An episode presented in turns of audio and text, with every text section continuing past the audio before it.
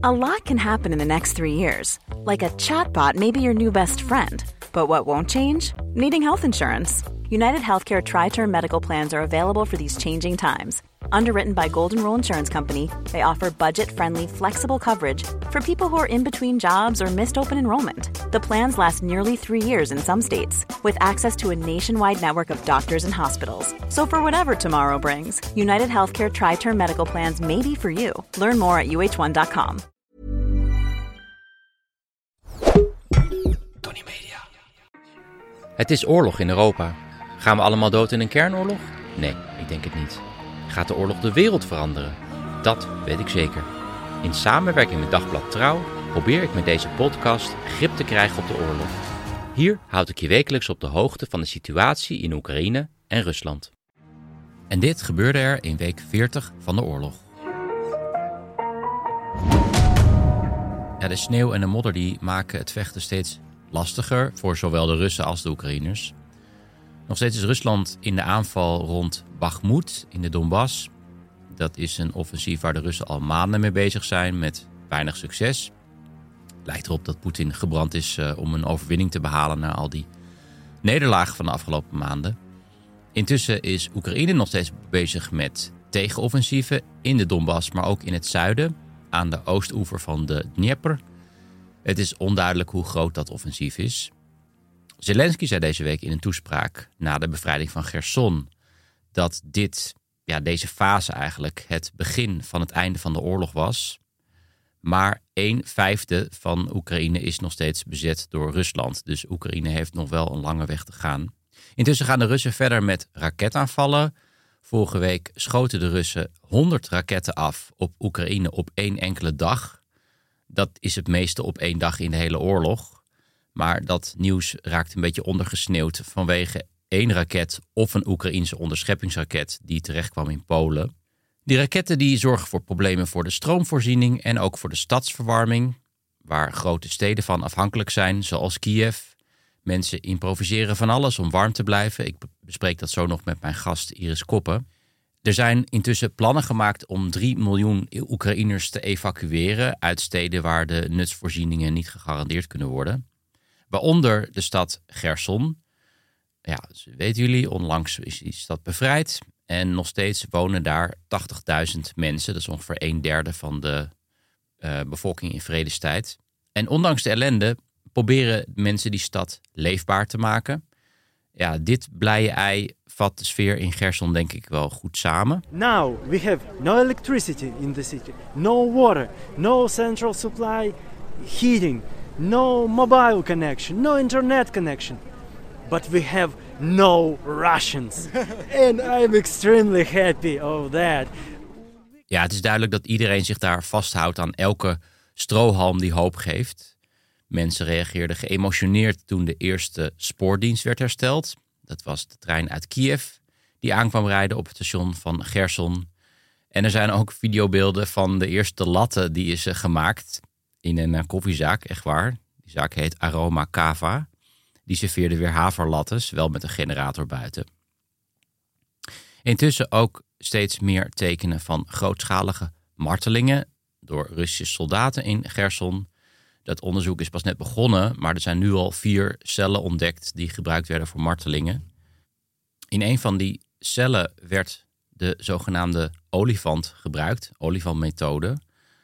Het is een martelmethode die de Russen eerder hebben toegepast in de Tsjetsjense oorlog.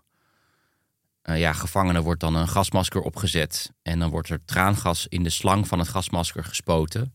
En de gevangene stikt vervolgens in de tranen en het snot. Tot nu toe zijn er 43 lichamen gevonden met tekenen van marteling. En de verwachting is dat dit nog maar het topje van de ijsberg is, helaas. Gaan we door naar de Russische media.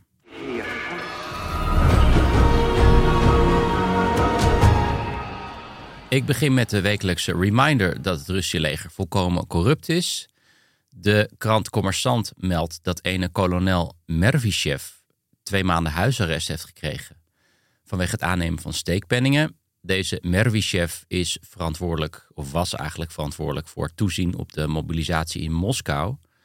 Die verliep niet zo goed bij een mobilisatiekantoor, maar Mervishev had gezegd dat hij dit door de vingers zou zien als hij een wasmachine zou krijgen. Leuk detail erbij, van minimaal 70.000 roebel, dat is 1100 euro. Kennelijk zijn wasmachines door al die plunderingen verheven tot valuta in het Russische leger. Nou, vind ik prachtig. Verder een interessant stuk op de Russische journalistieke site Medusa. Daar probeerden ze te ontdekken hoeveel gevangenen er nou vechten in Oekraïne.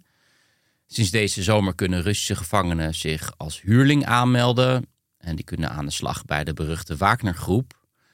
En in ruil daarvoor worden ze dan vrijgelaten.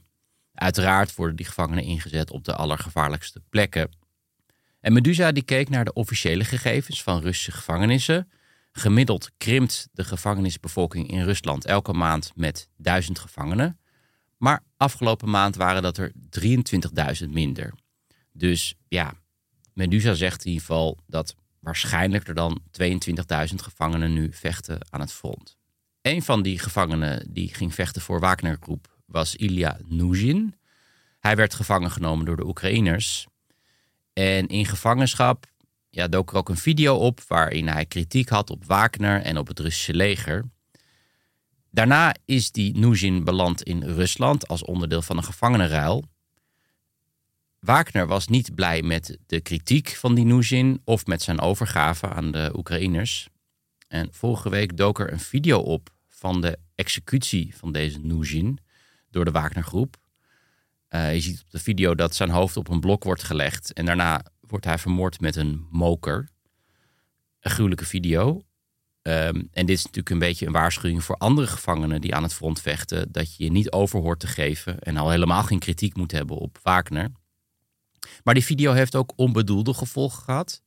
Dat meldt Vladimir Asechkin, dat is de beheerder van de site gulagu.net.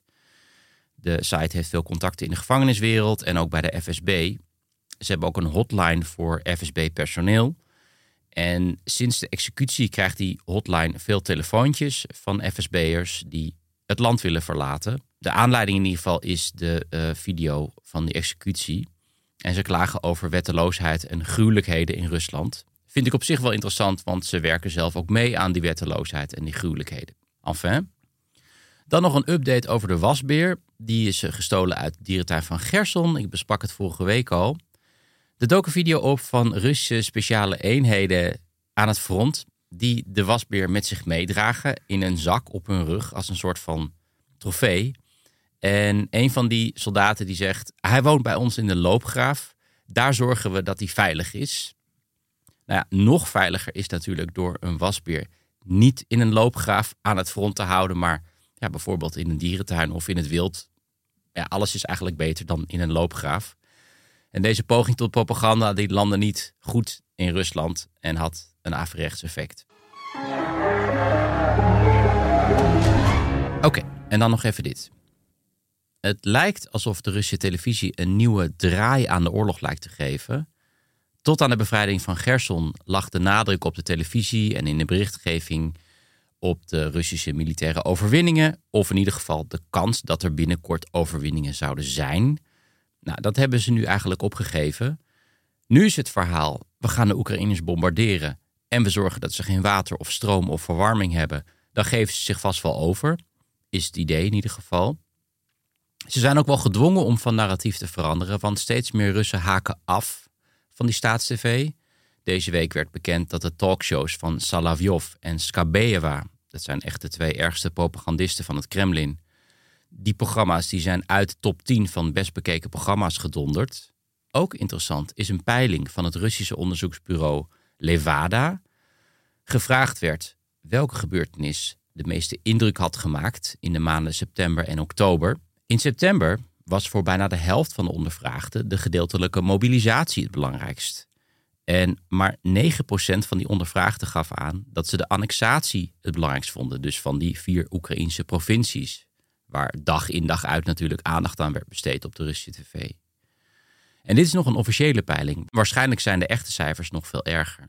En het laat zien dat de Kremlin de controle op de kijkers kwijt is. En dat er grenzen zijn bereikt aan de manipulatie van de werkelijkheid door die propaganda. En het zal heus niet gebeuren dat Russen nu ook gelijk de straat op gaan, maar ze zijn wel minder vatbaar voor propaganda dan we denken in het Westen. En je merkt dat het Kremlin ook actiever zijn best doet om die nieuwsvoorziening op het internet te beperken. Want ja, veel Russen verschuiven dan van televisie richting het internet. De Russische krant Commerçant die meldt dat er een nieuwe wet bij de Duma ligt. Eh, waarin staat dat er een verbod komt bij de sociale netwerken om algoritmes te gebruiken. Waarbij ze kijkers artikelen en filmpjes aanbevelen. Waardoor het nog lastiger voor Russen wordt om achter de waarheid te komen. En ten tweede probeert het Kremlin televisie aantrekkelijker te maken. Paradoxaal genoeg, door af en toe een glimp van de werkelijkheid te laten zien. Die filmpjes die je vaak in het Westen viral ziet gaan, eh, zijn er onderdeel van. Deze week nog zei een man op de tv dat het bombarderen van Oekraïense burgers crimineel was. En begon ook ruzie te maken met propagandist Salavjov. Op een ander filmpje werd gezegd dat de NAVO helemaal geen militair conflict met Rusland wil. En dat druist helemaal tegen de lijn van het Kremlin in. En dan gaan we dus steeds vaker stemmen op tv op die tegen die lijn van het Kremlin ingaan. Waardoor we in het Westen denken dat Poetin bungelt aan een draadje en dat elk moment daar de revolutie uit kan breken. Maar ik denk zelf dat het Kremlin nooit die touwtjes uit handen geeft en bewust dit soort mensen inzet om te zorgen dat mensen tv blijven kijken en en passant dat gif van de propaganda tot zich nemen. Maar het is duidelijk dat het steeds lastiger voor het Kremlin wordt om het narratief van de oorlog te domineren. Bij mij aan tafel zit journalist Iris Koppen. Iris, welkom. Hi Jelle. Iris publiceert sinds het begin van de oorlog prachtige briefwisseling met de Oekraïense Jelena, haar voormalige lerares Russisch in Kiev. En die briefwisselingen die zijn gebundeld in het boek dat ook heet Elena, berichten uit de schuilkelder. Eigenlijk is het een beetje een, ja, een chroniek van de oorlog, maar dan gezien vanuit de beleving van één persoon. Is dat denk je ook niet gelijk het gevaar van zo'n oorlog dat het een beetje abstract wordt en dat je eigenlijk het leed van de individu een beetje kwijtraakt, zo langzamerhand? Ja, nee, zeker. Dat, uh, dat gebeurt natuurlijk al snel. En ik hoor dat ook bij mensen die dan uh, de rubriek of het boek hebben gelezen. Van zo'n één persoon uh, trekt je zo dichtbij eigenlijk, waardoor je echt gaat meeleven.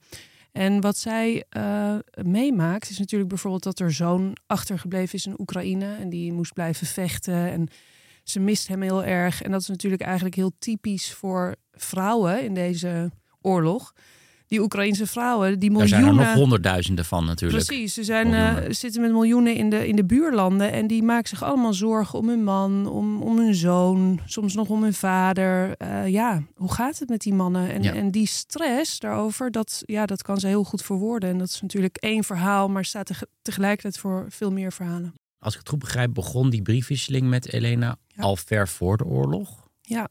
Had je toen ook al kreeg je toen ook al tekenen in die briefwisseling uh, van Rusland als agressor? Had je een soort van voortekenen kunnen lezen misschien?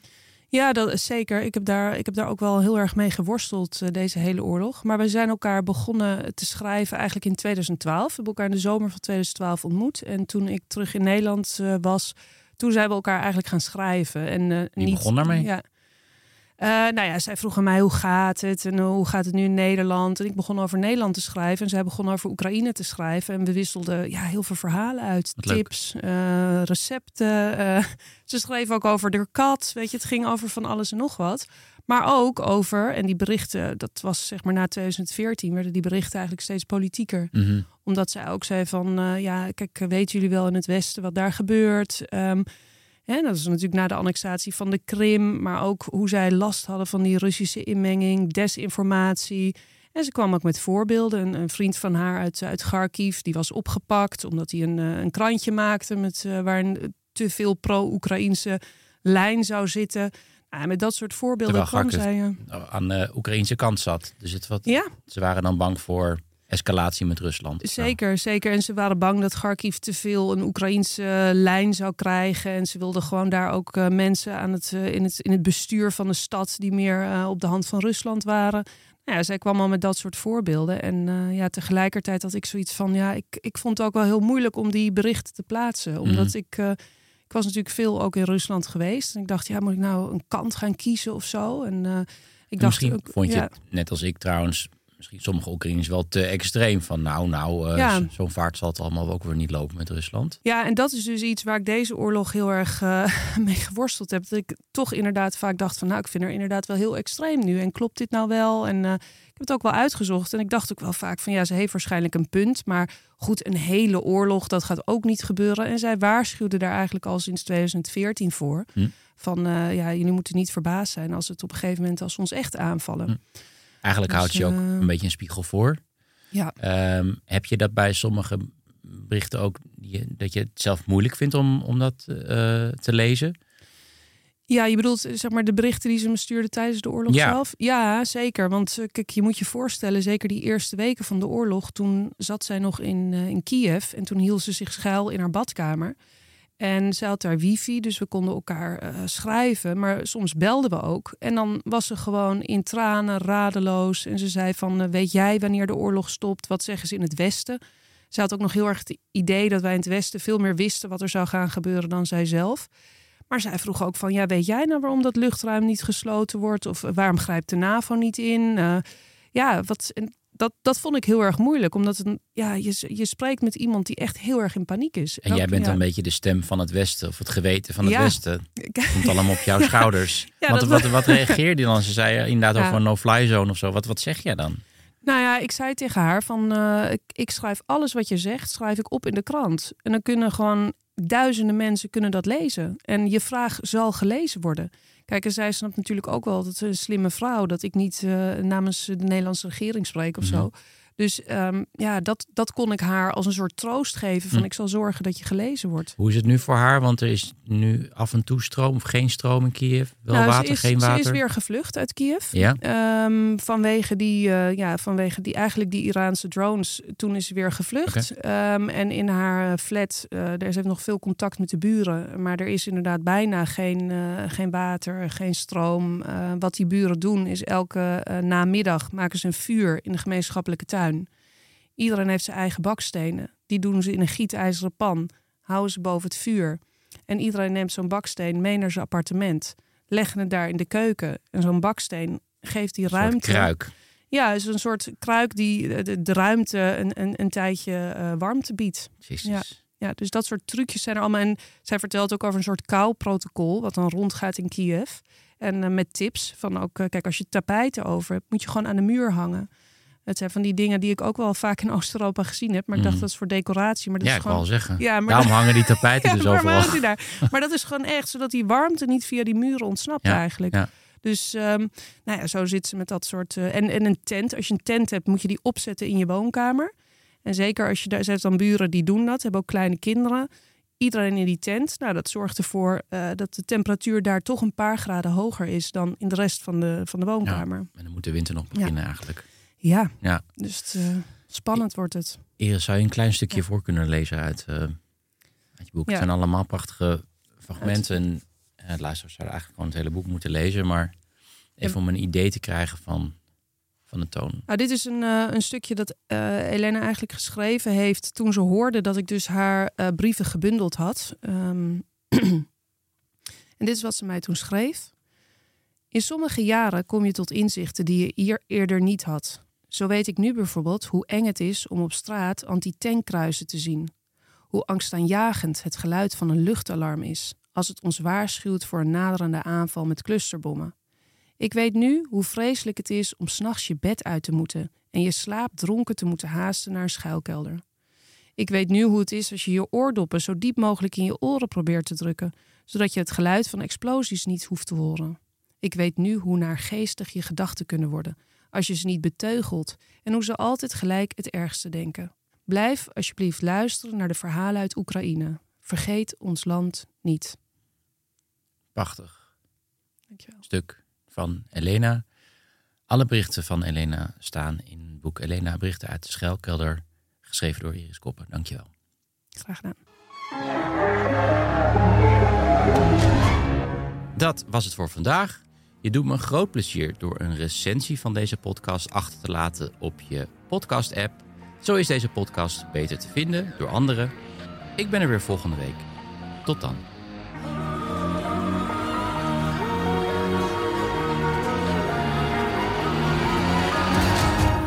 Dit was een productie van Tony Media en Dagblad Trouw. Voor meer verdieping ga naar trouw.nl. Trying to grab all the groceries in one trip? Oof, not how you would have done that. You know sometimes less is more. Like when you drive less and save with the USAA annual mileage discount. USAA, get a quote today. Ik heb geen idee waar je naar geluisterd hebt, maar misschien een goede tip om nog meer tijd te vermorsen. Luister eens een keer naar de Snopcast, waarin ik, Jort Kelder en mijn goede vriend Ivo van Rechteren Altena alles bespreken wat het leven draaglijk maakt zonder enig praktisch nut. Met uiterst overbodige snobjecten als ja, een machientje om je tandpasta uit te rollen, een ski natuurlijk van Bentley of een Kashmir springtouw. Jazeker, de Snopcast, omdat je het waard bent.